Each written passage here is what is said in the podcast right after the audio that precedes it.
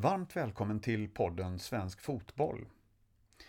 I det här avsnittet får du lyssna på ett inläst reportage där Tsevad Tatarevic, tränare i Enköpings SK, medverkar. I hans förening tillämpar tränarna något som kallas tyst coachning. Metoden är en del i spelarutbildningen där tystnaden från sidan är tänkt att framförallt öka spelförståelsen för de yngre spelarna. Du lyssnar på reportaget Tyst coachning i Enköping. Uppläsare är jag, Juan Martinez.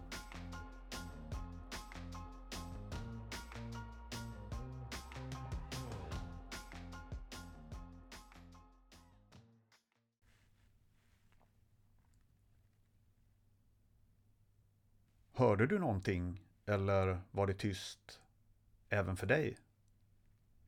Riktigt så tyst är det kanske inte när Enköpings SKs barn och ungdomslag spelar matcher.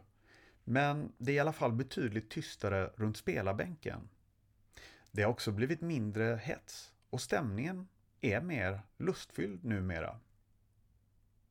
Det tycker Tsevad Tatarevic, tränare i Enköpings SK, sedan klubben har bett tränarna att hålla igen med den direkta coachningen under matcherna.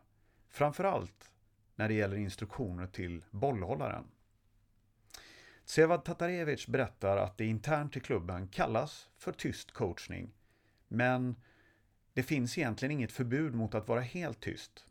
Beröm, applåder och annan positiv feedback är självklart tillåten, men då gärna i anslutning till den omedelbara aktionen på planen. Sedan finns det tillfällen där man kanske måste ge anvisningar men då försöker vi välja de tillfällena med omsorg, gärna vid spelavbrott, säger Tsevad. Varför är det då så viktigt att inte ge anvisningar till just bollhållaren? Det undrar säkert många. Jo, för att det är förvirrande. Sätt dig själv in i situationen.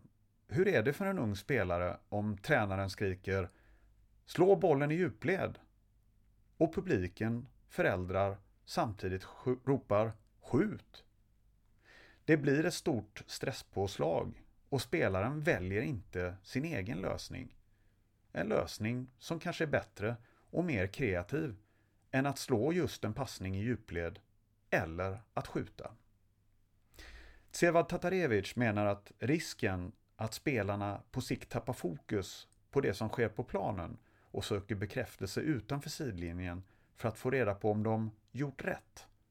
Just det hämmar spelförståelsen. Om vi minimerar andelen direktiv och anvisningar så tonar vi dessutom ner allvaret. Ledarens agerande avspeglar sig och det påverkar i sin tur publiken. Och då får ju matchen bra förutsättningar att bli den fina upplevelse som den ska vara.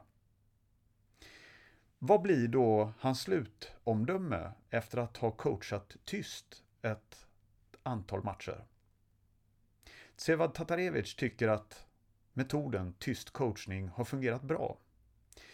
Tränarna i Enköpings SK förstår vikten av att vara mer återhållsamma och han ser mer avslappnade spelare, ett roligare och tryggare matchklimat. För om tränarna är lugna så sänder det en signal om att de litar på spelarnas förmågor. Dessutom, säger Tsevad, gynnar tystnaden på tränarbänken spelarnas egen kommunikation på planen. De hjälper varandra och utvecklar sina egna ledaregenskaper, säger Tsevad. Hur har det då gått för honom själv? Klarar han alltid att coacha utan att öppna munnen? Ibland har jag svårt för att vara tyst, säger Tsevad, men det går allt bättre.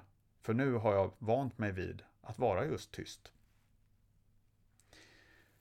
Tysta och kloka ledare är självfallet bra, men det är fortfarande kanske föräldrarna som är det stora problemet inom barn och ungdomsfotboll. Alla har vi blivit vittne till föräldrar som intensivt coachar sitt eget barn från sidlinjen Generellt är det inget större problem i Enköping, förklarar Tsevad Tatarevic. Det beror på att vi har varit väldigt tydliga kring vad vi förväntar oss av spelare men framförallt av föräldrar och tränare. Föreningens policy finns hela tiden med och den är utformad på flera språk så att alla vet vad som gäller. Du har lyssnat på podden Svensk Fotboll och reportaget Tyst coachning i Enköping. Jag som läste in den här texten heter Juan Martinez. Tack för att du lyssnade!